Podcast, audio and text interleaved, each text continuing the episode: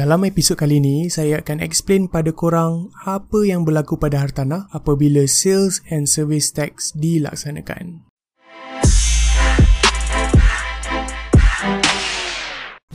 Dalam podcast ni, anak muda akan belajar secara santai mengenai hartanah di Malaysia.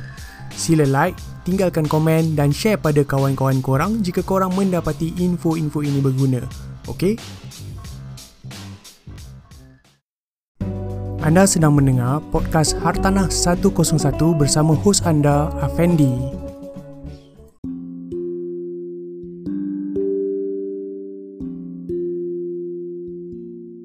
Hai, Assalamualaikum, salam sejahtera, salam anak muda, apa khabar semua?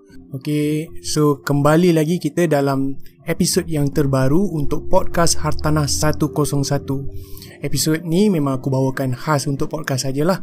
Aku recording khas. Okay so seperti yang korang dah tahu uh, Topik pada hari ni ialah berkenaan SST uh, Apa benda SST tu kan? Uh, So dalam masa sama juga ramai juga lah Yang ada yang bertanya pada aku dalam social media. Uh, Betul ke Afendi harga property akan uh, berkurang Akan turun, akan affected? Betul ke harga subsale uh, maintain Tapi new apa harga yang turun untuk new project saja dan sebagainya So aku akan bagi beberapa point Ada lebih kurang 5 point dalam dalam masa sama aku ulas sikit lah apa yang aku faham berkenaan SST ni.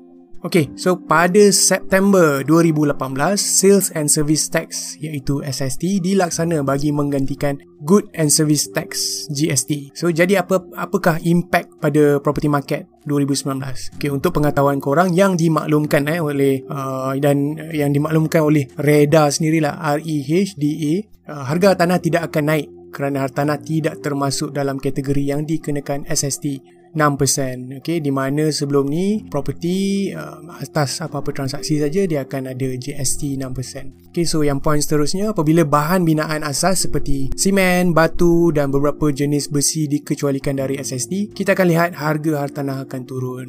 Okay, tapi pada pendapat aku pula Uh, benda ni bergantung pada uh, market movement, pergerakan market, supply dan demand ni yang paling penting.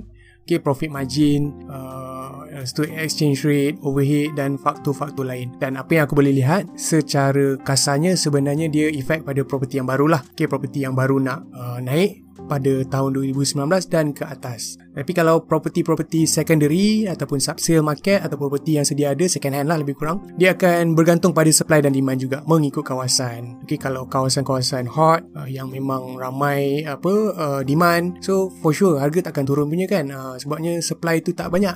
Uh, lebih kurang macam itulah. So point yang seterusnya ialah untuk uh, hartanah sewaan komersial okey tidak akan dikenakan SST SST okey di mana GST dikenakan 6% sebelum ni. Sekiranya sewaan melebihi 500,000 setahun. Okey so point yang seterusnya aku ada untuk korang ialah untuk mereka yang menggunakan khidmat agensi hartanah sama ada untuk jualan ataupun sewaan okey mereka perlu membayar 6% apabila berlaku transaksi. Ini untuk um, penjual lah untuk orang yang nak menggunakan servis kita orang untuk mencari pembeli ataupun penyewa. Sekiranya berlaku transaksi dia orang perlu membayar 6%. Okey, untuk agensi hartanah pula ataupun ejen, okey, agensi hartanah maknanya as a company ataupun ejen as a individu yang melebihi jualannya 500,000 setahun, dia akan dikenakan SST atas servis mereka. So senang kata, uh, kalau menggunakan servis, uh, dia akan dikenakan uh, SST lah, 6% lah. Okay, so itu sahaja information yang aku ada untuk share pada korang pada minggu ni. Sekiranya korang mendapati information ni bermanfaat, pastikan korang like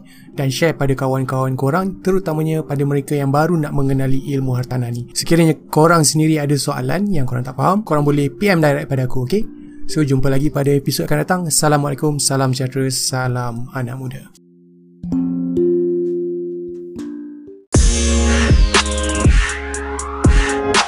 Terima kasih kerana mendengar podcast Hartanah 101 yang membawakan info-info hartanah masa kini. Untuk dapatkan info lanjut mengenai saya bagaimana saya boleh bantu anda di masa hadapan, sila layari www.afendi.com dan jumpa lagi. Bye-bye.